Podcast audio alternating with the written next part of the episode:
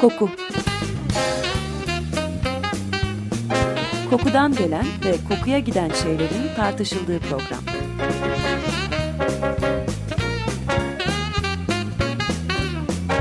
Hazırlayan ve sunan Vedat Ozan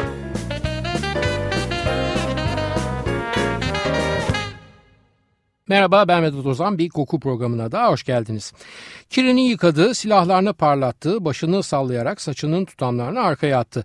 Kirli giysisini fırlatıp temizini giydi, savaş giysisini giyip beline işlemeli kemerini kuşandı. Gılgamış krallık tacını giyince Gılgamış'ın güzelliği İştar'ın güzel gözlerini kamaştırdı.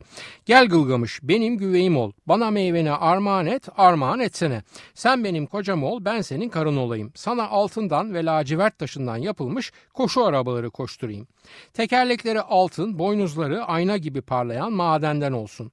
Buna ruhlar dev gibi katırlar koşulsun.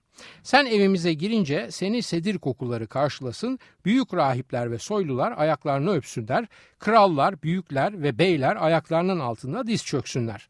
Dağların ve ülkelerin ürünleri sana vergi olarak getirsinler. Sana keçiler üçüz, koyunlar ikiz yavrulasın, senin sıpan bir ester yüküyle koşsun, arabanın önündeki atın yarışta birinci olsun, boyunduruktaki öküzlerinin eşi olmasın. Evet Gılgamış destanının 6. tabletinden bir bölüm okudum. Burada tercüme içinde sedir diye geçen kelime bazı metinlerde katran olarak çevrilmiş. Esasen elbette bunun petrolden elde edilen katranla ilgisi yok. Sadece sedir ağacının türünü belirtmek için kullanılmış bir ayrat sadece katran kelimesi. Neden? Çünkü ülkemizde katran çok uzun zaman için Toroslardaki sedir ağaçlarından üretilmişti. İyi de ağaçtan katran nasıl üretilir? Hemen söyleyeyim. Ağaç, kömür veya petrol gibi organik maddelerin kapalı kapta hava almadan imbiklenmesine katran denir. Bu işlem sonucunda da rengi oldukça koyu hatta siha yakın bir madde geçer elimize. Koyu kıvamda bir sıvıdır ve kokuludur. Daha doğrusu katranın elde edildiği organik maddeye paralel bir kokusu vardır. Bu nedenle bazı tercümeler bunu katran olarak çevirirken ben kokusuna daha güçlü bir referans olması açısından sedir demeyi tercih ettim. Peki neden sedir? E, çünkü Gılgamış destanı bir sedir ormanı etrafında dönüyor. Bıkmadan gene sorayım neden? Çünkü destanın yazıldığı tarihte sedir çok önemli bir malzeme. Yüksek bir ağaç ve düzgün dik bir gövdesi var. Bu da ağaçtan üniform yani tek kalıpta kalaslar edinilmesini kolaylaştırıyor. Uzun kalas ve tomruklar da hem çatı hem de tapınakların kapılarında rahatça kullanılabiliyor ki zaten kullanılmıştır. Çürümeden uzun süre dayanıyor ve hava koşullarına mukavemet ediyor. Ayrıca sedirin katranı da mikrop öldürücü özellikleri nedeniyle arkaik bazı ilaçların kökeni. Üstüne üstlük çerçeve olduğu mekana da hoş bir koku veriyor elbette sedir ağacı. Yani kısaca sedir dönemi içinde o coğrafya için neredeyse hayati diyebileceğimiz bir öneme sahip ve bu yüzden hem gerçek hem de sembolik olarak önemi çok büyük. Bilmeyene hatırlatma Lübnan bayrağının tam ortasındaki ağaç imgesi stilize bir sedir ağacı imgesidir. Peki bir de size bir bölümünü okuduğum Gılgamış destanını kısaca özetleyeyim müsaadeniz olursa. Efendim Gılgamış gerçekte bugün Irak ve Küveyt'in yer aldığı coğrafyada yer alan Uruk'un 5. kralı aynı zamanda da 12 tabletlik ve yaklaşık 3000 satırlık Gılgamış destanının da kahramanı oluyor. Uruk ve Irak bağlantısını zaten kurmuş olduğunuzu düşünerek devam ediyorum. Destanda dominan bir kişilik olan Gılgamış'ın önce rakip sonra dost olduğu Enkidu ile beraber yaşadıkları maceralar anlatılıyor. Destanın kahramanı Gılgamış aslında tam bir insan değil, yarı tanrı, yarı insan, hatta üçte iki tanrı, üçte bir insan daha doğrusu. Gılgamış büyük bir savaşçı, yapıcı, yeryüzünde ve denizlerde olan biteni bilen, yarı insan, yarı tanrı dediğim gibi zalim ve sert bir yönetici. Uruk halkı tanrılara başvurarak onun bu sert yönetiminin önlenmesini istiyorlar ve tanrılar da yabani Enkidu'yu yaratıyor. Sert, asosyal ve hayvani bir yaratık Enkidu ancak Gılgamış'ın gönderdiği bir fahişe Şambat 6 gün ve 7 gece boyunca sürekli onunla seks yaparak Enkidu'yu uysallaştırıyor ve kente getiriyor. Birinci tablette yer alan bu olaylardan sonra ikinci tablette Gılgamış ve Enkidu'nun güç gösterisi dile getiriliyor. Gılgamış'ın zaferiyle sonuçlanan bu yarışmadan sonra ikisi dost oluyorlar. Hatta fazlaca dost oluyorlar ve bazı çevreler Gılgamış'la Enkidu arasındaki ilişkiye eşcinsel bir aşk ilişkisi olarak bakıyor. Üçüncü ve beşinci tabletlerde Gılgamış ve Enkidu Sedir Ormanı'nın korucusu Huvava'yı öldürmeye gidiyorlar.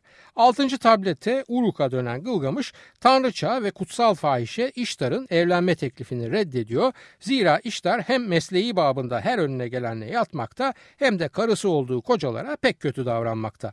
Gılgamış İştar'ı reddediyor ama İştar da bu durumu hazmedecek bir hatun değil ve hemen babacığı Anu'ya koşuyor. Ondan cennet boğasını ödünç alıp Gılgamış'ın üstüne salıyor. Bilginiz için İştar doğurganlık, aşk, savaş ve seks tanrıçısı. Aynı zamanda da kutsal bir fahişe. Zaten hem Gılgamış hem de İştar'ın memleketi olan Uruk kutsal fahişeler veya daha doğrusu kutsal kortezanlar kenti diye de biliniyor. İştar Asur ve Babil'de İştar ismiyle geçiyor. Sümerlerde ise aynı figürü İnanna ismiyle görüyoruz. Bu mitolojik karakter benzerliklerini elbette zamanda ileri taşıyıp Afrodit'e kadar götürebiliriz. Tariflerimden de anlamış olabileceğiniz gibi bu hanımefendinin öne çıkan özelliği cinselliği. Bir popüler lüzumsuz bilgi de çizgi roman hayranlarına yönelik vereyim. İştar karakterine ilkel çağların Barbar'ın Yenilmez Barbarı Kimmeryalı Conan çizgi roman dizisi içinde de rastlayabiliyoruz. Evet Enkidu'nun yardımıyla Gılgamış İştar'ın reddedilmesinden dolayı sinirlenerek üzerine saldığı boğayı öldürüyor. Yedinci tablette Enkidu rüyasında boğayı öldürdüğü için Anu, Ea ve Samaş tarafından ölüme mahkum ediliyor. Rüyalar gerçek oluyor ve sonunda Enkidu hastalanarak ölüyor. Sekizinci tablette Gılgamış umutsuzluk içinde dostuna ağıtlar yakıyor ve onun için büyük bir cenaze töreni düzenliyor. 9. ve 10. tabletlerde Gılgamış'ın ölümsüzlüğe ulaşmak üzere tufandan kurtulan Utanapiştim'i bulmak üzere yaptığı tehlikeli yolculuk anlatılıyor. Utanapiştim Gılgamış'ın atası ve meşhur tufanın tek kurtulanı olduğundan bilgi olarak algılanıyor. 12. tablette Gılgamış'a tufandan söz eden Utanapiştim yakın dostunu kaybettikten sonra ölümden korkmaya başlayan Gılgamış'a ölümsüzlük otunu nerede bulacağını söylüyor. Ölümsüzlük otunu bulmasına buluyor bizim Gılgamış ama affınıza mağruren salaklığından olsa gerek bu kez onu bir yılana kaptırıyor ve boynu bükük halde Uruk'a dönüyor. Yılana kaptırma sahnesi de ilginç zira Gılgamış duru su bulup yıkanmak isteyince haliyle ölümsüzlük otunu sahilde bir kenara koyuyor. Otun kokusunu alan yılan da kaptığı gibi tıs diye kaçıyor otu. Şimdi bana diyeceksiniz ki salladın sen de hocam yılanın doğru dürüst bir burnu bile yok. Nasıl kokusunu alacak ölümsüzlük otunun? Doğrudur. Yılanın doğru dürüst bir burnu bile yoktur. Ve ağzın hemen üzerindeki iki minnacık delikten ibarettir. Ama ebe kardeşim biz de zaten yılan burnuyla koku alır demedik. Anlatayım yılanların çatallı dilleri olduğunu bilirsiniz. Bu dillerini tat almak veya dokunmak için kullanırlar. Ama tat ve dokunmanın ötesinde en çok da koklamak için işe yarar bu çift başlı çatal dil. Gözünüz Gözünüzün önüne getirin yılan dilini şimşek hızıyla ağzından çıkartıp yukarı aşağı salındırır. Neden? Yerdeki ve havadaki koku moleküllerini almak için. Sonra o çatal dil ağza girer ve ağzın içinde neler olduğunu biz göremeyiz. Oysa ağzın içinde olan şudur. Yılanın damağında iki küçük hassas bölge vardır ve bu hassas bölgelerde vomeronazal organlarına veya başka deyişle Yakup'un organı adı verilen organa bağlıdır. Daha önce bahsetmiştim feromon algılamasında işlevsel olan bu vomeronazal organ bizlerde de var ancak evrimsel süreç içinde işlevsiz hale gelmiş. Yılan dilini bu iki hassas noktaya değdirerek vomeronazal organına koku moleküllerini iletir. Organ da moleküllerden gelen sinyalleri kontrol eder ve beyne yönlendirir. Bu sayede yılan kokladığı şey dost mudur, düşman mıdır, yiyecek midir yoksa uzak durulması gereken bir şey midir anlar ve ona göre davranış biçimi geliştirir. İyi de peki bu dil neden çatallıdır? Sebebi gayet basit efendim. Yılan kokuyu stereo olarak alabilsin diye. Yılan dilinin uçları bu damaktaki iki bölgeye tıpatıp oturacak büyüklüktedir. İkili uç algılayıcıya oturduğunda hangisinden daha fazla koku geliyorsa yılan da ona göre koku kaynağının hangi istikamette olduğunu anlar. Bizim yılan da böyle diliyle saptıyor ölümsüzlük otunun yerini ve hemen otu indiragandi yapıp ikileyerek uzaklaşıyor oradan. Gılgamış da kalıyor ölüm ölümsüzlüğe ulaşamadan ortalık yerde. Evet dönelim kaldığımız yere bizim destan Enkidu'nun ruhunun yeryüzüne dönüşü ve ölüler dünyasındaki kötü, hüzünlü koşulları dile getirmesiyle son buluyor. Gılgamış böylece bilgeliğin dünyanın nimetlerinden yararlanmak anlamına geldiğini kavruyor. Gılgamış destan neden önemli bir destan? Çünkü çok tanrılı dinlerin efsanelerine ait pek çok öğeyi yani mesela büyük tufan veya ölümsüzlük otunu çalan yılan gibi sembolleri dile getiriyor ve bu semboller bazen birebir bazen de çok benzer şekilde daha sonra tek tanrılı İbrahimi dinlerin kitapları öncelikle de Tevrat'ın içinde yer alıyorlar. Bu da haliyle ayrı bir tartışma konusu ve biz sadece bu benzerlikleri hatırlatmış olmakla yetinip konumuza geri dönelim. Bu konuları daha derinle merak edenler varsa Muazzez İlmiyaçı veya Turan Dursun'un kitaplarına ve bu kitaplara mukabil verilmiş cevaplara başvurabilirler. Başka ne önemi var bu destanın? Kültürel açıdan bakıldığında geçişlerle ilgili pek çok net ayrıntı içeriyor destan. Yazısız dönemden yazıya geçişi, avcı toplayıcılıktan kentliliğe geçişi anlatıyor. Özellikle Enkidu'nun başta vahşi halde hayvanların dilinden anlıyor olması ve onlar gibi yaşaması avcı toplayıcılığı sembolize ediyor. Sonra ne oluyor? Enkidu bir kadınla sevişiyor ve ormandan kovuluyor. Bu hem cennetten kovuluşun sembolik hikayesi oluyor hem de bu kovulmayla beraber yaşam biçimi değişiyor ve kent yaşamı başlıyor. Destan nerede geçer ve nereye aittir? Bildiğiniz gibi bu bir Mezopotamya efsanesi. Mezo antik Yunanca'da orta veya ara, Potamya'da nehir anlamına geliyor. Yani bu bağlamda Mezopotamya nehirler arasındaki toprak anlamında. Burada kastedilen nehirler de elbette Fırat ve Dicle nehirleri. Bu iki nehirin arasındaki bölgenin haritasına baktığımızda ise Irak'ı, Kuzeydoğu Suriye'yi, Güneydoğu Türkiye'yi ve Güneybatı İran'ı görüyoruz. Bildiğiniz gibi medeniyetin doğduğu yer olarak da biliniyor bu topraklar ve zaman içinde Sümer, Akad, Babil ve Asur imparatorluklarına da ev sahipliği yapmışlar. Kısa bir lüzumsuz bilgiyle Gılgamış'ı artık rahat bırakalım. Efendim birkaç yıl önce Diyarbakır'da Ayşenur Zarakolu Parkı içinde de bir Gılgamış rölyefi sergilenmek isteniyor. Hatta İranlı sanatçı Babek Sopi 120 metre uzunluğunda 6 metre yüksekliğinde 50 tonluk bir seramik rölyef hazırlıyor. Ancak Diyarbakırlı kadınlar ayağa kalkıyorlar ve hem Gılgamış'ı fazlaca maço hem de destanı fazla erkeksi buldukları için ilaveten Gılgamış'ın kadınları dövdüğünü de protestolarına ekleyerek rölyefin parka konmasına müsaade etmiyorlar.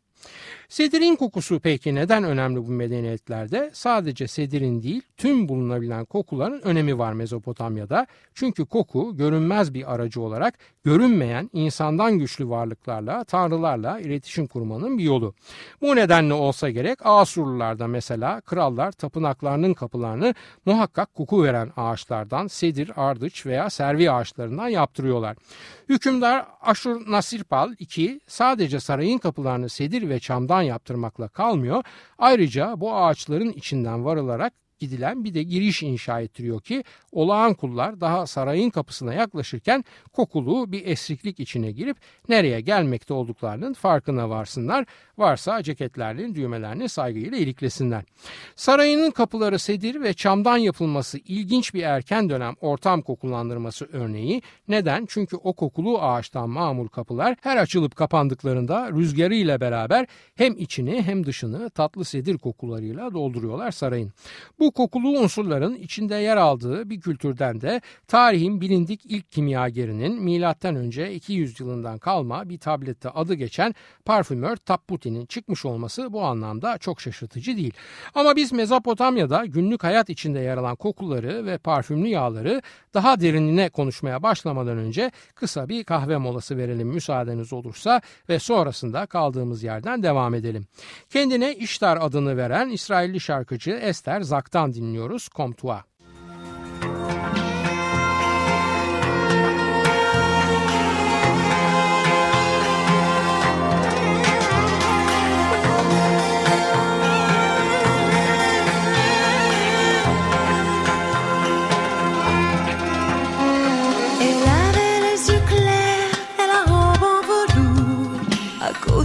sa mère, la famille autour.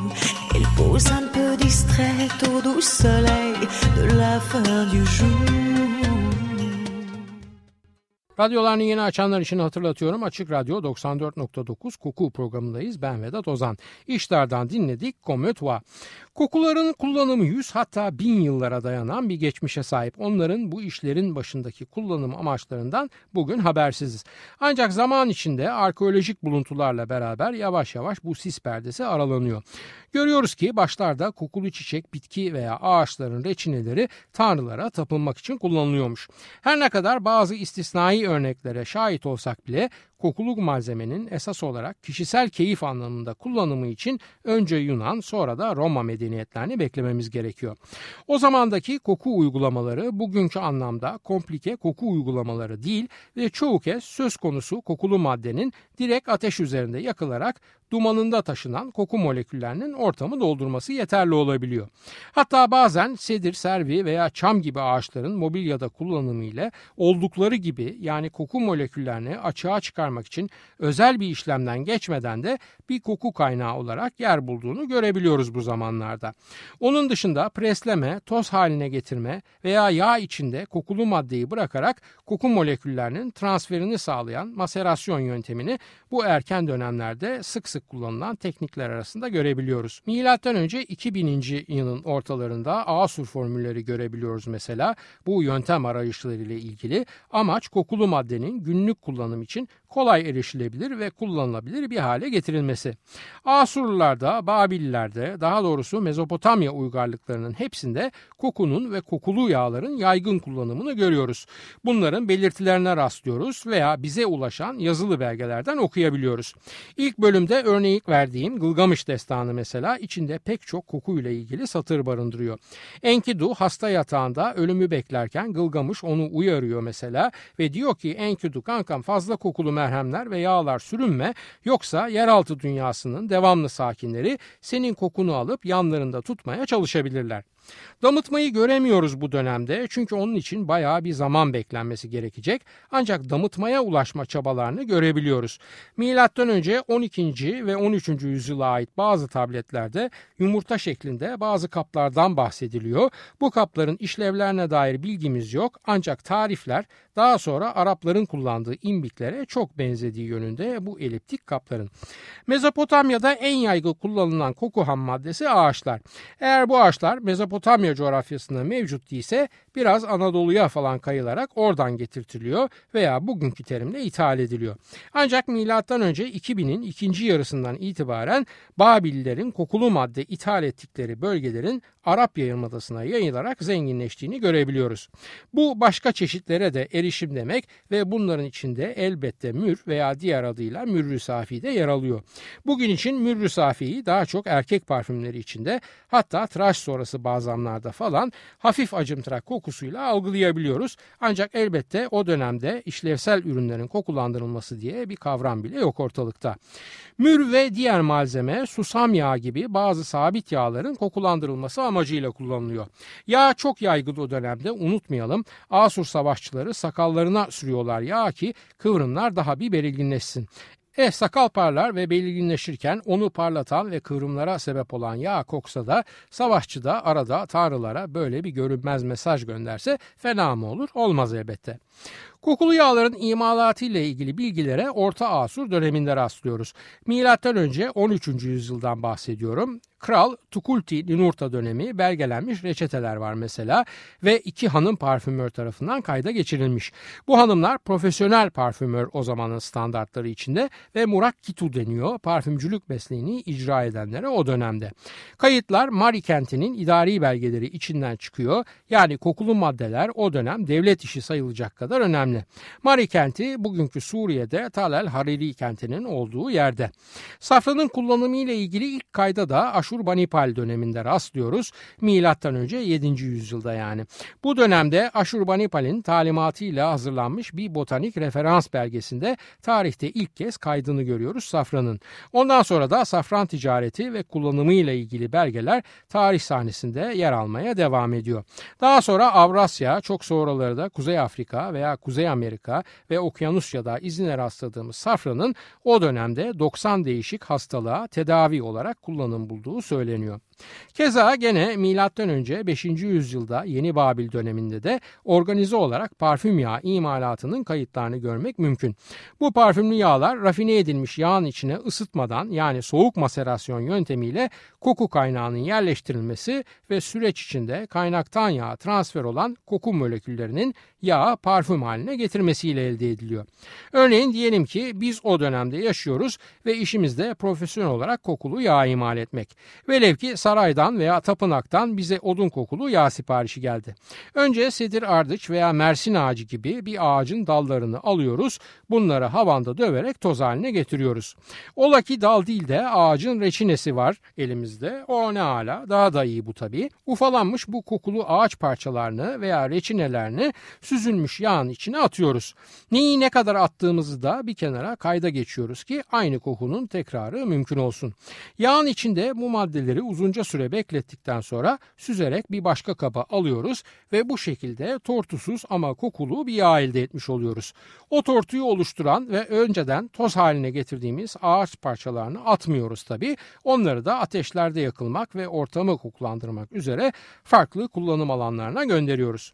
Mari kentinde parfümlü yağ elde etmek için tek yöntem bu bahsettiğim nispeten basit yöntem değil elbette. Kazan yağı denilen bir başka kokulu yağ var ayrıca. Bunun içinse işin içine ısıyı da karıştırmamız gerekebiliyor. Burada kullanılan ham maddeler çok daha zengin bir paletten seçiliyor. Meyvecikler, tomurcuklar ve sair ağaç dışı malzeme önce yıkanıyor sonra dövülerek toz haline getiriliyor. Elekten de geçirilip suyun içinde kaynatılıyor. Ortaya çıkan ürün bu kez presleniyor, tekrar elekten geçiriliyor ve bu kez hem yağ hem de su barındıran bir başka kaba atılarak ısıtılıyor. Bu işlemler dizisi katılan yağ kokuya doyana kadar tekrar ediliyor. Sonunda yağın yeterince kokulu olduğuna kanaat getirildiğinde küçük kaplara aktarılıyor kullanıma sunulmak üzere. Kısa gibi gelebilir bu süreç ama bir kokulu yağ imalatı yaklaşık en az 15 günlük bir çaba harcanması demek kayıtlara göre. Yöntem ve talebe göre bu sürenin 3 aya kadar uzadığı da vaki oluyor. Bu işler bir parfüm atölyesinde yapılıyor ki bu atölyede ya bir tapınak ya da diğer bir resmi dairenin içinde veya yanında yer alıyor. Aromatik maddeler ve kokulu ağaçlar özel ham madde depolarında saklanıyor ve başlarında onlardan sorumlu resmi bir görevli var. Bu görevli gereken miktarları atölyelere dağıtıyor. Merkezi bir de yağ ofisi var. Bu ofiste rafine edilmiş sabit yağların kontrolünü elinde tutuyor ve talep oluştuğunda bu yağları diğer depodan gelecek kokulu maddelerle kokulandırılmak üzere bu atölyelere sevk ediyor. Lojistik zinciri burada da sonlanmıyor çünkü bir de bu iki depodan gelen ham maddelerden imal edilmiş nihai ürün var. Bu ürün yani bitmiş parfümlerde saray bünyesi de başka bir departmana transfer edilerek dağıtım için hazır halde bulunduruluyor. Hükümdar Zimri Lim döneminde Mari kentinde diğerleri hariç sadece hükümdarın sarayının içindeki parfüm atölyesinde kral ve ailesinin parfüm ihtiyaçlarını karşılamak için 10 parfümör çalışıyor. Koku ve kokulu yağ hem göksel olanla iletişim kurmak ve onu hoşnut etmek hem de günlük anlamda bazı pratik uygulamalara imkan vermek için üretiliyor. Gözlerinizi kapayıp kendinizi Mezopotamya'nın iklim koşullarında düşünürseniz ne kadar tozlu bir ortam ve kavurucu güneşle baş başa kaldığınızı görebilirsiniz. Bu da cildinizin kuruması ve buruşması hatta fiziksel acı verecek durumlar yaşamanız demek. Bu nedenle ne kadar yağlı bir vücutla dolaşırsanız iklim koşullarının etkilerini o kadar bertaraf etmiş oluyorsunuz. Yani diyeceğim habire yağlanıp yağlanıp sokağa çıkıyorsunuz. Yağ hem cildinizi yumuşatıyor hem de parlak bir görünüm vererek albeninizi arttırıyor. Eğer bu kullandığınız yağ bir de parfümlü olursa keyfinize diyecek yok yok. Ancak yağ herkes erişebiliyor da parfümlü yağa sahip olmak o kadar da kolay değil. Hem ham maddesinin temin zorluğu hem üretim sürecinin zaman ve emek gerektirmesi gibi nedenlerle parfümlü yağa sadece kral ve kraliçe, toplumun seçkinleri ve rahipler ulaşabiliyor. Elde edilmesinin zorluğu da bu parfümlü yağları azar azar kullanılması gereğini beraberinde getiriyor. Diyelim ki oldu da kralın sofrasında yemeğe davetlisiniz. Bu durumda size saray tarafından az bir miktar kokulu yağ veriliyor huzura çıkmadan önce ki Haşmet Meab'ın huzurunda hep kokulu, hoş kokulu insanlar bulunsun. Hem pahalı hem de seçkin bir ürün olması sebebiyle parfümlü yağların zaman zaman kral tarafından yüksek düzey devlet memurlarına veya diğer yöneticilere diplomatik birer hediye gibi verildiğini de görebiliyoruz. Rahiplerde ise kokulu yağ kullanımı mecburen çok daha fazla çünkü onların işi tanrılarla iletişim kurmak ve koku da bu iletişimin en önemli araçlarından biri. Belgeler var mesela güneş tanrısı Şamaş onuruna düzenlenen bir dini tören için yüklü miktarda Mersin ağacı parfümlü yağ alındığıyla ilgili. Kral da aynı rahipler gibi parfümlere sınırsız diyebileceğim erişime sahip. O da bir dini tören söz konusu olduğunda vücudunu parfümlerle yağlayıp arz arzı endam ediyor tanrıların huzurunda. Tabi ham haliyle veya parfüm imalatının çökeltisi olarak elde edilen ateşte yakılacak tütsü kullanımı da tahmin edebileceğiniz gibi alabildiğine yaygın özellikle dinsel mekanlarda. Zaten saray ve tapınakların çevresinde ulaşılan kalıntılarda bulunan pek çok tütsü yakma kabı da bunun en somut ispatı. İlk bölümde Utana Piştim'den bahsetmiştim. Gılgamış destanı içinde hatırlarsınız. Hani şu daha sonra tek tanrılı dinlerde Nuh tufanı olarak revize edilen meşhur sel baskınından tek kurtulan muhteremden. O sel tufanından kurtulduktan sonra tanrılara kokulu adaklar sunuyor ve bunu da şöyle dile getiriyor. Her bir yana yedi içecek kabı koydum ve her birinin içine de kamış, sedir ve mersin ağacı doldurdum. Tanrılar bunların kokularını içlerine çektiler ve adağa yapanın etrafına sinek gibi üşüşüp adeta pervane oldular. Haftaya bir başka kokuda buluşmak üzere şimdilik hoşçakalın diyorum efendim. Soru, öneri, eleştirileriniz için e-posta adresimiz kokuprogrami.yahoo.com Yayınlarımızda adı geçen konulara ilişkin görselleri her zaman olduğu gibi az sonra facebook.com Taksim Vedat Ozan Koku adresinde de görebilir. Yorum ve sorularınızı oraya da yazabilirsiniz. Ben Vedat Ozan, radyonuz kokusuz kalmasın sevgilerimle.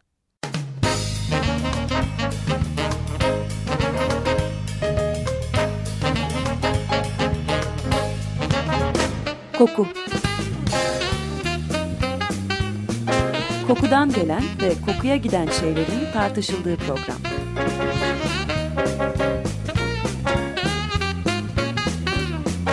Hazırlayan ve sunan Vedat Ozan